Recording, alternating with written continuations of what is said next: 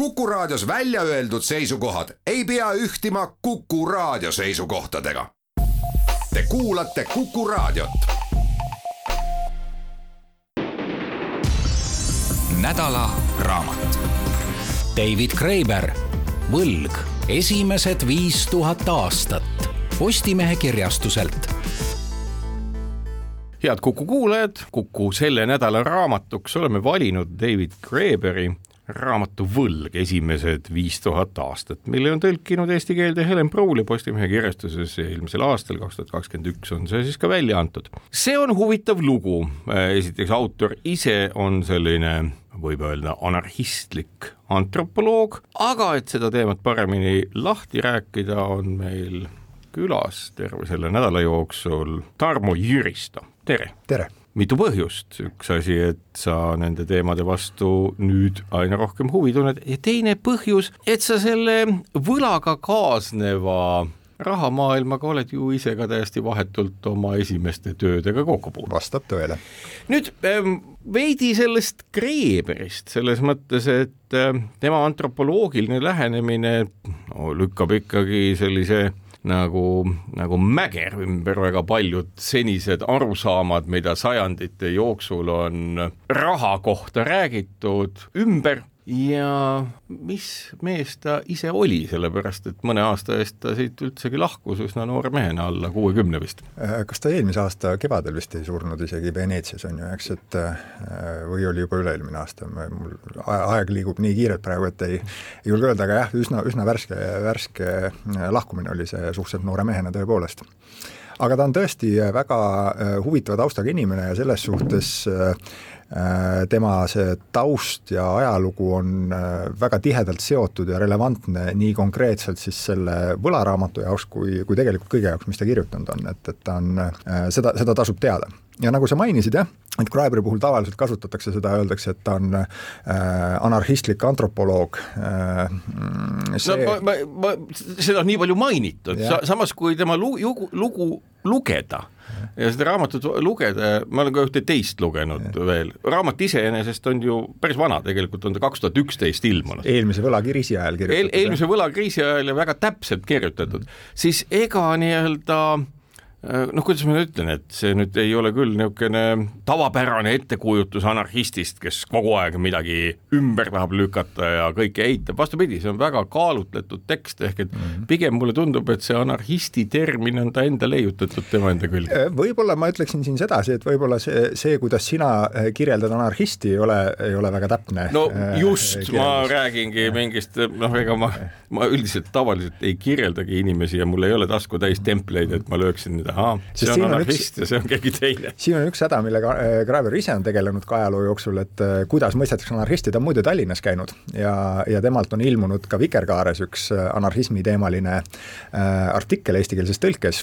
äh,, kus äh, ta ei sõnasta seda selliselt, aga ma äh, nagu nii-öelda lõdvalt parafraseerides ütleks, et see probleem on, anarhismi üks suur probleem on see, et, et tavaline inimene, kes ei ole süvenenud anarhismi või poliitiliste teooriate tausta, kipub mõtlema anarhisti anarhistidest äh, selles tähenduses, mis tähenduses äh, nad tegi, tegelesid ja toimetasid üheksateistkümnenda sajandi lõpul ehk et äh, käisid mööda Euroopat ringi ja püüdsid, püüdsid mõrvata riigipäid äh, ja panna pomme igale poole. et see oli mingi episood anarhismi ajaloos, äh, mis, mis, mis tõesti selline oli, aga mahutada kogu anarhism, ütleme seal Proudhonist ja Bakuninist kuni kaasaegse Saul Newmani ja niisuguse nagu uusanarhismini pommide panemise ja, ja atentaatide alla oleks ikkagi väga, väga kohatu üldistus. küll, aga meedia seda toetab, aga tuleme Greberi raamatu juurde, üks põhiline, millest ta kohe ka alustab, on ju asjaolu, et äh, raha pole tekkinud päris nii, nagu me seda ette kujutame. ehk et raha tekke, et raha tekke põhjus, et nüüd intrigeerida ka kuulajat, millest meie selle nädala saated kõik olema saavad, ei ole see, mida meile on igal pool räägitud, et on tekkinud sügav probleem, kuidas vahetada kalkunit kanade või konnade või nooleotste vastu ja et raha on küll mõõdupuu, aga hoopis muu asja mõõdupuu siin võib-olla ongi nüüd huvitav, et kui sa alguses mainisid seda, ütlesid, et, et minu äh, professionaalne taust äh, on olnud rahamaailmaga seotud, siis jah, et tõepoolest, et mu esimene nii-öelda karjäär oli tegelikult äh, panganduses, investeerimispanganduses ja minu esimene kõrgharidus on Tartu Ülikoolist rahanduse ja krediidi erialalt. ja see, see, mida sa just ütlesid, puudutab mind selles mõttes väga otseselt, et, et kui ma kaheksakümnendate lõpus Tartusse õppima läksin, siis see nagu arusaam, mida meile ülikoolis ka õpetati selle kohta monetaarteooriana, et kuidas raha tekkis, oli täpselt seda laadi, mille vastu Graeber äh,, Graeber oma raamatus vaid- äh,. kusjuures väga õigesti vaidleb, sellepärast et äh, kui vaadata nüüd nii-öelda kogu raha ajaloo faktoloogiat, no teaduspõhiselt mm, -hmm. siis mida me näeme, me leiame münte, me leiame münte uuemaid, vanemaid, väga vanu väga,, väga-väga vanu ja me teeme sellest järelduse, et kuna mündid on olemas, siis nad pidid millekski olema välja mõeldud ja no milleks ikka kui vahetusväärtuseks. Mm.. Kreeber toob näite ja hulganiselt neid oma viiesaja leheküljelises raamatus, kus ta ütleb, et stopp, et mündid on lihtsalt tänase päevani säilinud ja et me oleme ära unustanud ja ei saagi mäletada kõiki neid lepinguid ja kokkuleppeid, millega põhiline inimkonna no ütleme, ajaloos erinevaid lugusid ja müüte ja kõike veel ja ka reegleid kandnud asi oli see, mida sa teisena oma elukutses õppisid, rahandust ja krediiti ehk võlg. Täpselt, et see on sedapidi kõige, see oleks pidanud olema võlg ja raha, et võlg ja raha, täpselt. mitte raha ja võlg. ja, ja neid näiteid on küll, aga. jah, ja see kooli arusaam, et korraks lihtsalt see läbi jooksutada nende jaoks, kes võib-olla siis ei ole meie kuulajate seast kaheksakümnendate lõpus Tartu Ülikoolis rahandust ja krediiti õppinud, et siis sellel ajal üldiselt valitsenud arusaam oli see, nagu sa siin enne vihjasid, on ju, eks, et et sellises primitiivses ühiskonnas oli see, et, et kus noh, ütleme, inimestel oli vaja erinevaid asju ja et kui minul oli näiteks kana ja sinul oli kirves ja meil oli neid vaja omavahel vahetada, et siis selleks, et me saaksime seda nii-öelda turul omavahel vahetada, et me pidime leiutama mingi ühise vääringu ja selleks vääringuks oli siis raha, mis võimaldas meil neid omavahel vahetada. ja Graeber, kui niimoodi nagu jällegi hästi lihtsustatud, üldistatud kokkuvõttes, siis tema argument on see, et ta ütleb, et see ei ole, see, sellest, sellisest nagu ajaloost, sellisest raha ajaloost ei ole tegelikult äh, mitte ühtegi põhjendatud märki. et sul on olemas mündid, aga, aga tõepoolest see sa ei tea, sa ei tea lugu, mis on nende müntide taga. ja see, see, et kuidas nagu tegelikult, millest on märke erinevates, äh, kas siis ajaloos, arheoloogias, antropoloogias, erinevatest ühiskondadest, on see, et ja see on nüüd selle tema raamatu võib-olla kõige sügavam ja olulisem iva, et võlg ei ole miski, mis tekkis nagu tagajärjel on sellest, et, et noh, kõigepealt meil oli inimestel vaja midagi vahetada, siis tekkis raha ja siis kellegi kätes hakkas raha kogunema, kes laenas seda kellelegi teisele välja ja sellest tekkis võlg, vaid vastupidi. Et võlg on olemuslik moodus, kuidas ühiskonnad koos püsivad ja toimivad, me kogu aeg võlgneme üksteisele midagi. ja seesama, see näide, kana ja kirve näide, mis ma ütlesin, ei ole mitte see, et, et et ma tulen ja küsin su käest, et kas ma saaksin osta sult kirve ja ma võin sulle müüa kana, jah. vaid see käis nii, et, et ma käin ja tulen su aiast mööda, kõõlun seal äh, aia peal ja ütlen, kuule, et, et mul oleks kirvest vaja, et ma näen, et sul seal seina ääres üks seisab, et äkki sa laenaksid mulle selle. sa ütled, oh muidugi võta, mul ei ole seda praegu vaja, siis ma veidi mingi nädala pärast tulen selle kirvega tagasi, toon selle sulle, ütlen, et näed, et et mul seda, aitäh selle kirve eest, et aga et ma vaatan, et äkki, äkki sul oleks just, mul, mul just kanal olid tibud, et ma toon sulle mõned, et, et äkki, äkki sa võtad need. ja see on see, et, et kuidas nagu Kraiber räägib sellest, et kuidas ühiskondades on kogu aeg olnud selline nagu mentaalne arvepidamine sellest, mida me üksteisele võlgneme.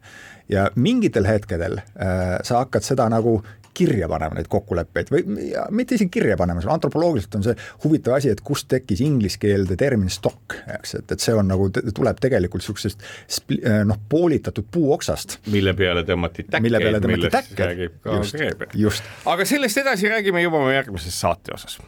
head Kuku kuulajad, nädala raamatu raames võla tutvustamine, mille on kirjutanud David Graeber, jätkub külas Tarmo Jüristo, kes on mitte ainult seda raamatut lugenud, vaid selle valdkonnaga igatepidi ka tegelenud.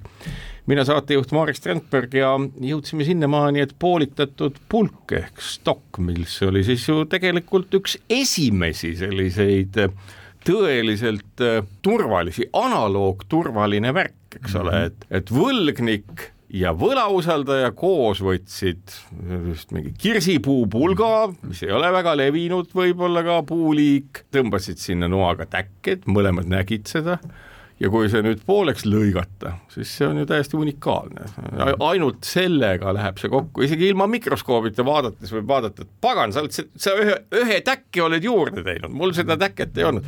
nii et äh, inimesed on olnud üsna leidlikud kõikvõimalike nii-öelda võlaprotsesside korraldab. ja, ja noh, nagu me selles e e eelmises vestluses äh, puudutasime, rääkisime, et, et siis äh, Graberi lähenemine tegelikult korraks veel tagasi hüpates on, on mitmes mõttes väga väga põnev ja huvitav, et ühelt poolt see on selline nagu klassikaline antropoloogiline, eks, et ta on väga skeptiline selliste suurte narratiivide osas, et, et kus äh, kõik, mm, kus on niisugune üks, üks äh, hegeliaanlik protsess läbi inimkonna ajaloo, kuidas mingi asi on arenenud, et tema rõhutab just nimelt seda paljusust ja hästi erinevaid vorme. ja ta teeb seda oma teistes raamatutes äh, läbivalt kogu ja aeg. aga see ongi minu meelest hea antropoloogi tunnus, et ta mõistab inimese olemust. ta mõistab inimese olemust ja saab saab aru, et kõik need äh, hiljem väga lugupeetud majandusteadlased, olgu siis Smith või kes iganes, et nad on ka tegelikkuses teinud eeldusi mm, -hmm. mis noh, ju nüüd kahekümnenda sajandi lõpul, kahekümne esimese sajandi alguses üldse paika ei pea ehk et inimene ei ole, mida ta ka näitab oma raamatus mitmel puhul, selle tõttu soovitan seda lugeda, et inimene ei ole ratsionaalne, kaalutlev ja majandusasjades täpseid arvutusi tegev subjekt, vaid teeb vigu. noh, mis on andnud meile ju näiteks sellesama võimaluse, et Nobeli majanduspreemiad juba kümmekond ja enam aastat on kõikvõimalikele psühholoogidele ja matemaatikutele ja kui kunagi Daniel Kahnemanil paluti ühte lausesse või minutisse kokku võtta, et no mi-, mis on siis teie teadustöö sisu, Kaneman ütles, et noh, minut on palju, et üks lause. Ja see lause oli, et äh, inimesed ei tee seda, mida nad väidavad, et nad teevad ja ma olen selle kindlaks teinud, kõik. Mm. -hmm ja sama asja teeb ka Greber. ja, ja see, see oli, kuhu ma tahtsin jõuda, öelda, et, et see nagu paljususe väljatoomine, rõhutamine ja maailma kirjususe näitamine ongi äh, antropoloogiale distsipliinina omane, et seda antropoloogid teevad täiesti üldiselt, mis Greberi teeb äh, antropoloogide hulgas äh, võib-olla mõneti ebatavaliseks, on see, et, et äh, tal, temal sellega kaasneb äh, suhteliselt harva esinev võime ikkagi sünteesida kõiki neid erinevaid asju, leida sealt ühiseid teemasid, tõmmata neid kokku kohati väga üllatavate nurkade alt, teha sellest üllatavaid, võib-olla isegi mitte järeldusi tingimata, aga kokkuvõtteid, näidata tahke, eh, mida, mida sa võid võib-olla muidu selle, kogu selle kirju, mustri ja tapeedi seast üles korjata ei suudaks. ja see on see, mis minu arust on ka just nimelt sellesama võlaraamatu üks äh, nii ühtaegu nii nõrkus kui tugevus ja see, see laieneb Graberi teistele raamatule samamoodi. on see, et, et ta, ta argumendid kipuvad teinekord eksima igasugustesse nurgatagustesse laiali valguma, rääkima sadadest erinevatest asjadest, nad on selle juures väga põnevad äh,, aga äh, noh, ta tihtipeale, pahatihti ei, ei klapi need asjad laitmatult kokku. ehk siin avaldubki sellise nii-öelda hea anarhismi tegelik sisu, selles mõttes, et ma, ma ei ole mingi anarhis-, anarhismi nii-öelda asjatundja, nagu ma juba ütlesin, selle tõttu ka kasutasin sellist nii-öelda üsna kohatut, teadlikult muidugi sellist võrdlust, aga eh, anarhism loomu poolest ju vastandub sellisele liigsele organiseeritusele, mitte korrale, vaid organiseeritusele, ja kui me mõtleme kõiki neid majandusteadlasi, kes on ekstraheerinud ajaloo arvukatest lugudest välja just nimelt need suhteliselt banaalsed, millest ma saan aru, mhm. alustas ka Tartu Ülikooli rahanduse ja krediidiõpe, alustas mõnestki banaalsest loost, siis Kreber teeb täpselt vastupidist, võtab kõik need lood ja näitab, millisel moel nende lugude ja mõistete vahel võib ringi hüpata ja anda sellele samale asjale, millele mõni ajalooline majandusteadlane on andnud labaselt banaalse käsitluse mingis väljamõeldud linnas vahetuskaupa tegevatest inimestest ja näitab, et aga tühjagi, nad võisid teha ka veel nii naa ja kolmandat moodi mm -hmm. ja vaadake, mis teile tõepärasem tundub. ma teeksin siin ühe väikse jällegi, et mitte, et ma tahaks väga nokkida su kallal selle äh, anarhismi teemal, aga teeksin ühe olulise täpsustuse, ütleks, et, et sa kasutasid seda, ütlesid, et, et anarhism on loomuldasa organiseerituse vastane, et see ei ole täpne, see ei ole õige. anarhism äh, väga pooldab organiseeritust, aga ta pooldab iseorganiseeruvaid ja vabasid äh, kogukondasid ja see on üks, mis on Graberi nii selle raamatu kui terve hulga teiste raamatute kandev nagu ühiskond ühiskondlik sõnum. ja see on seotud raha ja võla teemaga äh, nabanööri pidi ühel väga huvitaval moel äh, Graeber toob ise välja ka selle ja ütleb, et, et põhimõtteliselt turgu, kus nagu hakati kaupasid omavahel vahetama, oli vaja siis, kui inimestevaheline usaldus äh, kuidagi ära. kadus ära, hajub, on ju, eks jah. et sul on raha vaja kasutada siis, kui inimesed üksteist ei usalda ja, ja see, äh, see on asi, millel mõtel, mõte, millel tasuks äh, pikemalt peatuda, et mõelda, mida see tähendab. kuigi seal oli, seal oli ka, nojah, iseenesest on see õige, sellepärast et näide, mille ta toob, mäletamist mööda vist noh, Rooma impeeriumi kohta, mhm. mille puhul me teame, et ega makse ei kogutud ju kodanikelt, vaid makse koguti ikkagi neilt, keda oli vallutatud, see on ajaloost ka teada. ja siis loomulikult nii-öelda see, mida siis vallutatu võlgu oli selle kontseptsiooni järgi. vallutatu oli võlgu loomulikult vallutajale oma, oma elu, elu. Ja. ja ta võis küsida, et vabandage, et noh, kuidas ja selle peale võis legionär rahulikult öelda või tsentuuria või kellega parasjagu seal suheldi, ei oska me seda ette kujutada, võime niisuguseid dialoogi ju välja mõelda, vastus oli väga lihtne, ma võin su ära tappa. ja nii oligi, asjaolu, et keegi võis kellegi ära tappa, mis tekitas nagu vägivalla ja teadmise vägivalla kohta, tekitas ka arusaama, et ollakse võlgu ja seda võlga tuli mõõta ja seda mõõdeti noh, ilmselt äh, mingist hetkest alates rahas. muuhulgas maksudes, just täpselt. ja maksudes jah ja. ja., maksudes ja rahas ja selles mõttes nii-öelda selline äh,, kuidas ma ütlen, lugupeetud tunne regaalide omaniku suhtes ja sellise kõrge aukandja suhtes mm -hmm ei ole mingisugune loomupärane tänutunne, vaid ka väga jõhker moraalne asi, võlasuhe ja asjaolu, et sa võid võla suhtes olla andeks antud ja siis sa vaatad selle andeksandja peale, kes võis su ära tappa, hoopis teise ja pühalikuma pilguga, et see nagu sõnastab lahti ja seal on väga mitmeid selliseid äh, väga häid viraaže, mis toovad veel välja täpselt samasuguseid aspekte, nii et kui te äh, kui te tahate näiteks elamust saada selleks ja mõelda selle üle, et mille tõttu ka teil näiteks mõne kõrge aukandja suhtes on loomupärane selline, selline austustunne, siis ei ole midagi lihtsamat. vaadake natukene selles raamatus ringi ja te saate aru, et kõrge aukandja, kas või Rooma legionäride analoogia põhjal, on teid ju ellu jätnud et mingis mõttes ma nüüd ütlengi, et, et ma kõhklen siin, et ei taha nagu inimeste lugemise rõõmu ära rikkuda ja, ja kõiki neid avastusi välja tuua, mida selles Oi, raamatus on, on palju. Neid on viissada lehekülge, need, need üksikud asjad, mida me jõuame oma saates ja. välja tuua, on vähesed. aga sa puudutasid just ühte minu arust väga keskset ja väga sellist olulist asja, olles ise seda raamatut paljudele inimestele soovitanud, see on asi, mis on tulnud mitmelt poolt välja ja muuhulgas inimeste poolt, kes on päriselt nagu ise rahamaailmaga väga väga lähedalt seotud, rohkem kui mina, et, et ma soovitasin Erkki Raasuksele seda näiteks, kes luges seda ka vahetult peale seda, kui oli võlakriis ja nad olid pidanud pankades miljonitega maha kandma raha, on ju, eks, ja siis teda pärast tagantjärgi rääkides temaga, teda puudutaski kõige rohkem just nimelt see võr-, võla moraalne aspekt, millele sa näpu peale panid. ja, ja see on asi, mis viib meid tegelikult veel nagu väga kummalistesse huvitavatesse kohtadesse. aga sellest me räägime oma järgmises saate osas head Kuku kuulajad, Kuku nädala raamatuks Võlg, esimesed viis tuhat aastat, David Graveri kirjutatud, räägime Tarmo Jüristoga sellest raamatust, mina saatejuht Marek Strandberg.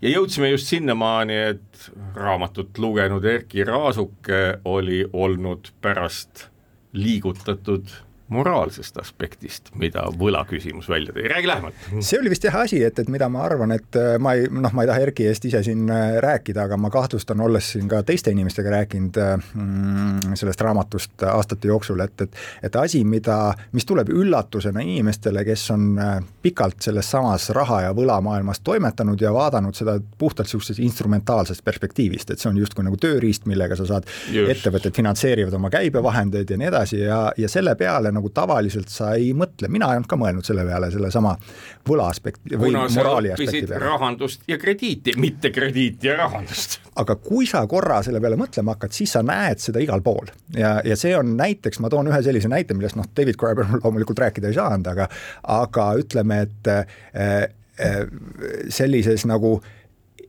selle maailmakandi, kus meie siin elame, ma ei, ma ei julge laiendusi teha, aga et äh, mujale, aga öelda, et et on olemas täiesti selline nagu kuritegelikus maailmas selline kontseptsioon nagu maksu pealepanemine.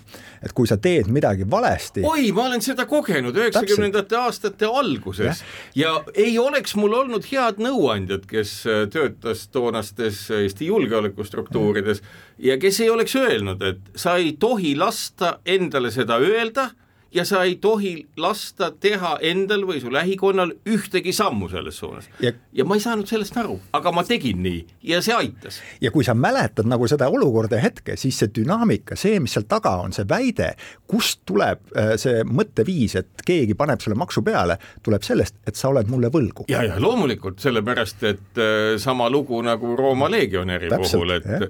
lühikese mõõgaga võidi sind alati ära tappa ja, ja sellest tuleb tänutunne ja, ja see tänutunne tuli loomulikult asjaolust, et tüübid käisid ringi kas siis külmad või tulised relvad taskus ja nad võisid sama asja teha. ehk et kuritegevuse olemus no nii kahjuks ka, kui, kui mõnes mõttes riigi olemus jätkuvalt on ikkagi ühes ja samas juures seesama küsimus võlas. ja siin tabad sa nüüd naelapead anarhismi koha pealt. ja, ja ei, ma püüan, eks ma õpin siin nende saadetega, et kaks veel minna pärast meil seda ja küll ma lõpuks olen, nädala lõpuks olen anarhismi osas juba oluliselt koolitatud. see on koht, kus David Graeber anarhismi, anarhistina on tõepoolest nüüd kriitiline selle osas, tema ütleb, et riik käitub siin tegelikult nagu riik abstraktselt siis nagu sellise riigivõimuna, käitub samamoodi nagu, nagu need üheksakümnendate aastate mafioosod. ega vahet ei ole riik on lihtsalt esimene ja mafiooso on teine, võib öelda hästi küüniliselt, aga mõnes mõttes see täpselt nii on, et ega ju üldistustasemelt, noh, ma ei oska öelda, kui me vaatame ma ei tea, hüpoteetilise intelligentse tulnuka pilguga, et kuidas inimesed maa peal ringi askeldavad, siis neile arusaamani jõuda, et kus on riik ja kus on mafiooso, läheb ikka väga pikka aega. võib-olla keeruline jah, sest see riigivõimu ja ütleme, Graeber läheb seal tõepoolest keisrivõimu, kuningavõimu äh, argumentidest liikvele, ütleb, on see, et alamad võlgnevad oma elu ja turvalisuse suveräänile. no jaa, ei see ongi, nad võlgnesid isegi vabariigile, kui me räägime Rooma ajast mm., ega, ega see, see, see suhe on ikka samasugune ja minu meelest jõuab see ikkagi kaugemale välja, äh, mida ka Kreeber kirjeldab ja just nimelt selles osas, et äh, mitte ainult kristlikud religioonid, erinevad suundumused seal, vaid ikkagi ka täiesti sellised budistlikud mm -hmm. Indias, idas nagu levivad arusaamad põhinevad millel? et sa sünnid siia ja sa juba oled võlgu ja no loomulikult see on nii võimas kujund, et mitte üks hilisem religioon, religioonid on ju alati nii-öelda lugude edasirääkimised ja mitte ükski hilisem religioon ei ole seda osa sealt suutnud välja võtta, vastupidi, selle sissejätmine on ju võti inimese kohustuse juurde, nii nagu sel mafioosolgi, kes ütleb, et sa oled mulle võlgu ja see on nüüd täpselt, äh, mida ma enne mainisin, Graberi äh, äh, antropoloogilise kriitika või ütleme pigem täpsemalt öeldes anarhistliku kriitika kõvasüdamike tuum. et see, see, mis sealt välja tuleb, on see, et, et võlg internaliseerituna see, et sa võtad selle arusaama omaks, et ma võlgnen, ma olen võlgu. ja sellepärast, et sulle on lapsest saati seletatud maailma võla kontekstis, et sa ei olegi näinud teistsugust maailma, sul ei olegi ühtegi teistsugust asja, kui midagi tekib, mingi küsimus, siis taandavad vanemad või õpetajad või kes iganes alati selle mingi võla peale. ja see on see, mis äh, kui sa selle internaliseerid ja see on, see on väga huvitav, et sa enne mainisid, et sul oli üheksakümnendatel see hea nõuandja, kes ütles, et sa ei tohi seda omaks võtta, sest kui sa võtad, kui sa võtad, siis see legitimeerib ja, selle võimu. sellest oleks olnud ainult häda ja õnnetust ja väga paljudel teistel, mina olin siis kõrtsipidaja, et, et kõigil oleks aru saada ja noh, kõrtsid, kus liikus sularaha ja kõike muudki, loomulikult olid erinevate maffiate, konkreetse jutt oli Keemeroma maffiast, nimelt luubi, teleskoobi, mikroskoobi, kõige all. ja, ja, ja see nõuanne oli hea, toona, ütlen ausalt, ma ei saanud sellest nõuandest aru, ma ei saanud sellest psühholoogiast aru, võibki öelda, et tegelikult selle psühholoogilise aspekti avaski mulle, no ma olen ka Kreeberile raamatut ennem lugenud, kui ta mhm. eesti keelde tõlgiti, no mitte küll nüüd kahe tuhande üheteistkümnendal aastal, mhm. aga siin kuskil vahepeal ja see oli esimene kord, kui ma sain sellest mehhanismist aru, millele toetutakse. Ja edaspidi ka soovitus, et kui keegi tuleb, ütleb, et sa oled meile võlgu. Ja te ei ole kunagi näinud seda inimest, siis teadke, et keeldudes tagate te endale parema tuleviku. Ja see, see, mis, mis ma nagu sellega nii-öelda selle teema kokkuvõtteks tahan öelda, ongi see, et, et sellega Greber joonistab välja selle nagu mehhanismi, kuidas vägivallast saab võim mis, mm, mis ei pea enam manifesteerima ennast vägivallana.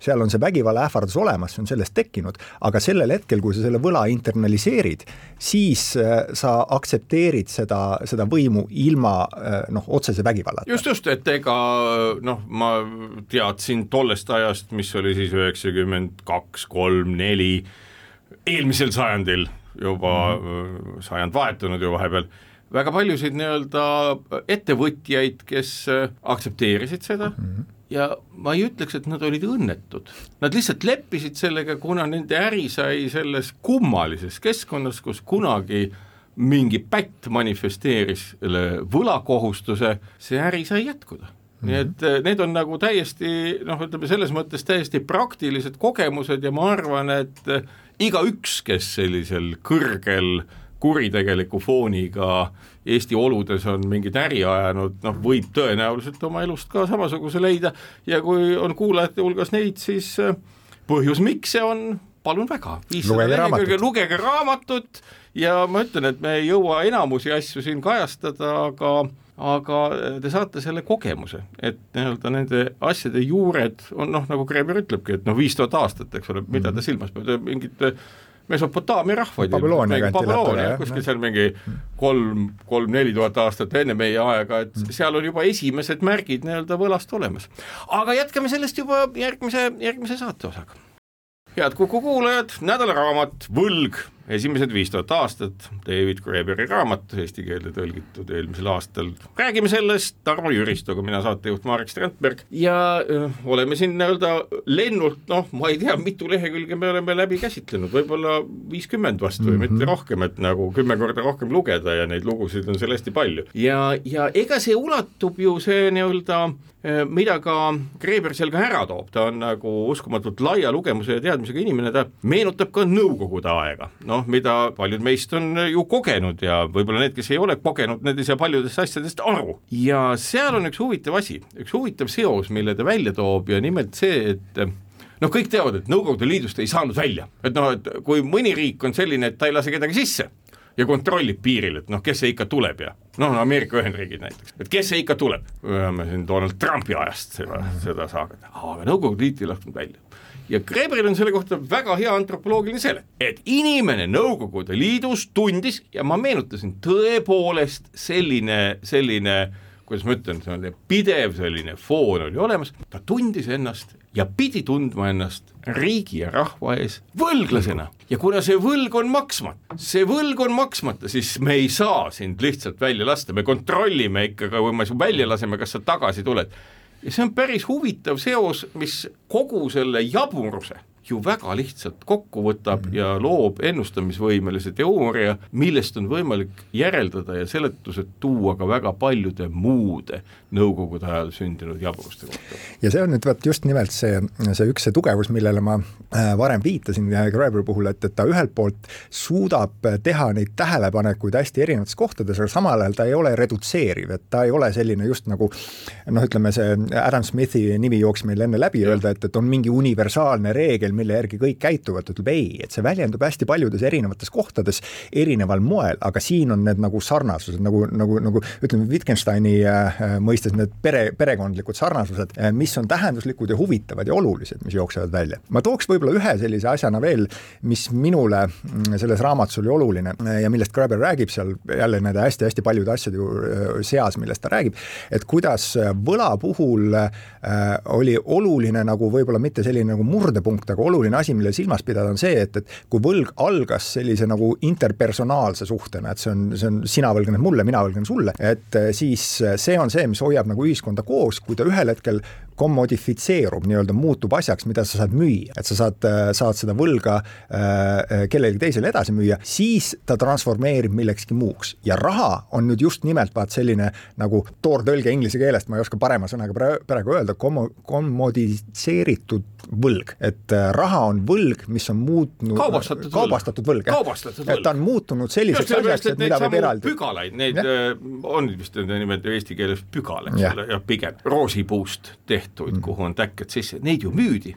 Et kui maksukoguja või keegi, kellel oli noh, pügala teine pool, mis ütles, et äh, temal on õigus sisse nõuda. temal on õigus sisse nõuda, siis ta võttis need pügalad kokku, müüs kellelegi väiksema hinna eest maha ja see ise läks siis nii-öelda võlanõudjana võtma asju. ja see on nüüd asi, on ju, eks, et kus vaata seesama, see nagu ühiskondlik aspekt, et võlg, mis meid seob äh,, muutub millekski muuks. et ta ei ole enam see, et, et ta seob meid äh, sinuga, kui mina võlgnen sulle kirve ja sina võlgned mulle kana, selle varasema näite puhul on ju, eks, siis see seob meid kogukonnas ühes, üheskoos kokku. nüüd, kui meie üksteisele võlgnetud asjad seotakse nii-öelda pundina kokku ja müüakse kellelegi teisele kolmandale, siis ta seob meid selles mõttes nagu ahelatena, ta seob meid, ta orjastab meid. Äh, jaa, ma lihtsalt mõtlen seda, et huvitav, et kas see nähtus iseenesest, mida on ju viimasel ajal aina rohkem ja rohkem käsitletud, et nagu kellelegi teisele tehtud teene, mida psühholoogias nüüd käsitletakse kui retsiprookset altruismi vist on mm -hmm. selle mhm. asja nimi. no sa teed kellelegi midagi ilma midagi vastu soovimata ootamata ja soovimata ja nõudmata, aga noh, tõenäoliselt nii-öelda kuskil ajutüves lootes, eks ole, kuna see on niivõrd fundamentaalne asi. ja sellise retsiprookse altruismina toimimine on nagu täiesti selline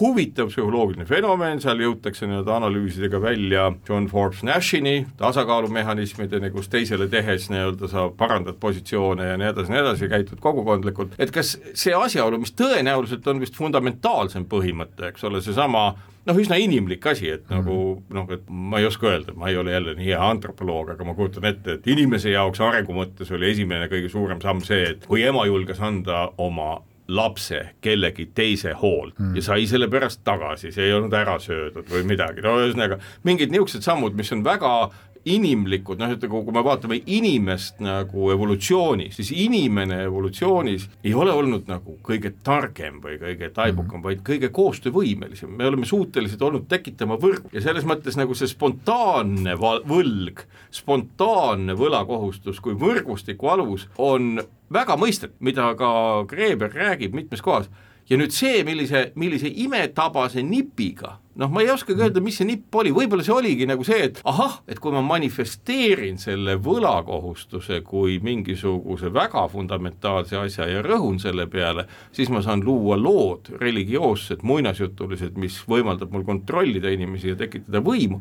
et kas see on see mehhanism, mida nagu Kreeber meile välja joonistab? täpselt, ja see on see, kus kohtuvad siis temas äh, anarhist ja antropoloog äh, ja, ja noh, näiteks muuhulgas on ju ka öelda, et, et, äh, et see Graeberi ülevaade ei ole lihtsalt niisugune kirju kogumik erinevaid vesteid ja muinasjutte. ei, need on lood, need on seotud ja, lood. vaid need on seotud lood ja nad on tegelikult väga tugeva antropoloogilise põhjaga. antropoloogide jaoks on küsimus sellest, mida inimesed peavad väärtuslikuks ja miks nad seda teevad ja millisel moel nad seda teevad, olnud oluline selle distsipliini algusest peale. suured nimed antropoloogias nagu Malinovski või, või Marcel Mauss tegeles kingimajandusega. Malinovski tegeles Vaikse ookeani Dobrjandi saarte kularingiga, mis on omamoodi näide näide sellest retsiprooksest altruismist, kus sul kulad liikusid mm, saarestikus ühtepidi ja teened liikusid teistpidi. Nad ei olnud omavahel nagu äh, üks-üheselt seotud, raha, raha teeb selle jah, jah, seose, aga, aga et seal oli, see oli kogu aeg oli sul nagu niisugune arvepidamine käis, et kes millele võlgu on ja kuidas. ja nüüd veel üks asi, mille ma võib-olla siin selle äh, praeguse tüki juures, äh, saatetüki juures üles tõstaksin, üks oluline teema, millest Graeber räägib ja millel on seos seos kõikide nende samade võimu ja religioossete aspektidega, on siis see, mille kohta ingliskeelne sõna on jubilee või, või mis on võlgade andeksandmine. ja, ja seda andeksandmist, nagu ma ütlen, et ega andeksandmine on ka nagu võimuinstrument, seesama asi, et võimukandjal, kes võib maksumaksja tappa, on võimalus oma lugupeetavustaset kasvatada seeläbi, et ta jätab ta tapmata. ja ta andestab ka need võlad, jah ja. ja see on vaata nüüd jällegi, mis, mis kõikidele noh, meie maailmas isegi sõltumata sellest, kas keegi on kristlane või mitte, on ju, eks äh,, siis äh, kui te äh,, kõik me oleme kuulnud vähemalt, kui ja. me ei suuda peast öelda meie isa palvet. just, just ja seal on see võlg, no ma ütlen, et ega see meie isa palve ei ole tekkinud siis kaks tuhat aastat tagasi mm. -hmm. tõenäoliselt selle juured on viis tuhat aastat tagasi, võib-olla veel vanemad, lihtsalt meil ei ole midagi, midagi mäletada sealt, aga see on ikkagi noh, kuidas ma ütlen, võlg kui fundamentaalne jõud, mis organiseerib inimesi, tundub olevat ikkagi noh, mitte ainult hüpoteetiline, vaid ikka nähtav. ja ütleme selle lause siis ka ära sealt meie isa palvest, et äh, anna meile andeks meie võlad, nii nagu meie andestame oma võlglastele. just, ja jätkame tarkade sõnadega Greverilt juba oma viimases saate osas. Head Kuku kuulajad, nädala raamatuks Võlg, esimesed viis tuhat aastat, David Greveri kirjutatud, stuudios räägin. Mina, Marek Strandberg, Tarmo Jüristoga neist asjust. Ja ega see võlavärk on ju iseenesest niisuguseid lugusid on ju hästi palju, mida on räägitud, et noh, kuidas võlavõimust kõige paremini aru saada, et on see noh, mingi nagu lugu mehest, kes tuleb väikesse linnakesse või külla hotelli ja tahab võtta endale öömaja. Öeldakse talle, et noh, see maksab sada ühikut, noh naela, kui me juba brittidest rääkisime ja siis tuleb välja, et hotellipidaja on võlgu. Kingsepale kakskümmend naela ja lihimuikule kaheksakümmend naela ja siis ta võtab selle sada naela, mis ta saanud on ja maksab ära, aga kingsepp on võlgu arstile kümme naela ja juuksurile viis, kümme naela ja lihunik on võlgu sepale kaheksakümmend naela ja need maksavad ka need ära ja ja siis lõppkokkuvõttes on kõik kõigile võlgu, lõpuks jõuab äh, see sada naela nii-öelda ringi pidi näiteks hotellipidaja mehe juurde, kes on maalermeister ja puus, puussepp ja tema on õnnelik, et ta saab raha, naine vaatab, et mees on saanud raha, võtab talt selle ära ja plaanib juba minna ostma uusi kardinaid ja teab veel mida, ja siis tuleb külaline ja ütleb, et pagan, ma ikka ei peatu, kas ma saaks oma raha tagasi. kõik on likvideerinud oma võlad midagi juurde pole tekkinud, õnne on lisandunud ja, ja keegi ei ole ka midagi juurde teeninud mm. -hmm. ehk et see on nagu see võlamehhanismi kõige, kõige omapärasem fenomen, mis eksisteeribki meie peades jah, ja, ja, ja see on, millest me ju, juba oleme siin ka rääkinud, on ju, eks, et, et võlga on mitut laadi ja see, kuidas see võib ühiskonnas meid siduda, äh, seda on vähemalt kahte eri laadi või ka rohkemat laadi, on ju, eks aga äh, huvitav, mida me mainisime juba varem, on ju, eks, et, et see Graeberi raamat ilmus väga spetsia-, spetsiifilisel hetkel äh, tõsise võlakriisi lõpus. tõsise võlakriisi lõpus, selle, selle, selle tipul. ja see oli asi, mis nagu heitis valgust tervele hulgale asjadele, mida võib-olla inimesed nägid teises valguses või mille peale nad ei olnud mõelnud. ja üks asi, mis on selle raamatu noh, mitmest poliitilisest dimensioonist, on siis just nimelt seotud ka sellesama andeksandmise teemaga, millest me just varem rääkisime. kui see võlg äh, kaubastub ja kui ta nüüd koguneb mingitesse, kuhjub mingitesse kohtadesse ühiskonnas, siis äh, ta võib muutuda selleks nagu halvaks võimuks või, või, või või, või destruktiivseks, et ta, ta ei, enam ei seo meid, äh, vaid ta orjastab meid, ta, ta, ta no, lõhub täpselt, täpselt sel hetkel, kui võlaga käib kaasas vägivald, täpselt sel hetkel, kui sa adud, et see ei ole mitte noh, nii-öelda vabatahtlik, loomupärane, mida saab ja võib andeks anda, noh, piltlikult öeldes yeah. ülekantud tähenduses, vaid midagi muud. kui selle üle tuleb täpselt arvet pidada neis müntides, mida vermima on õpitud või ja mida vermis võim, kuningas. mida vermis võim ja kuningas. jah, ja, ja, ja milline piin oli nii-öelda äh, seitsmeteistkümnendal sajandil keskpankade tekkega seotult, milline piin oli nii-öelda sularaha tekkega seotud, see kõik on nagu selles mõttes nii-öelda ajalooliselt päris põnev. ja see müntide asi, muide ma selle, siin mainin ühe asja ära, mis on väga, väga oluline asi tähele panna.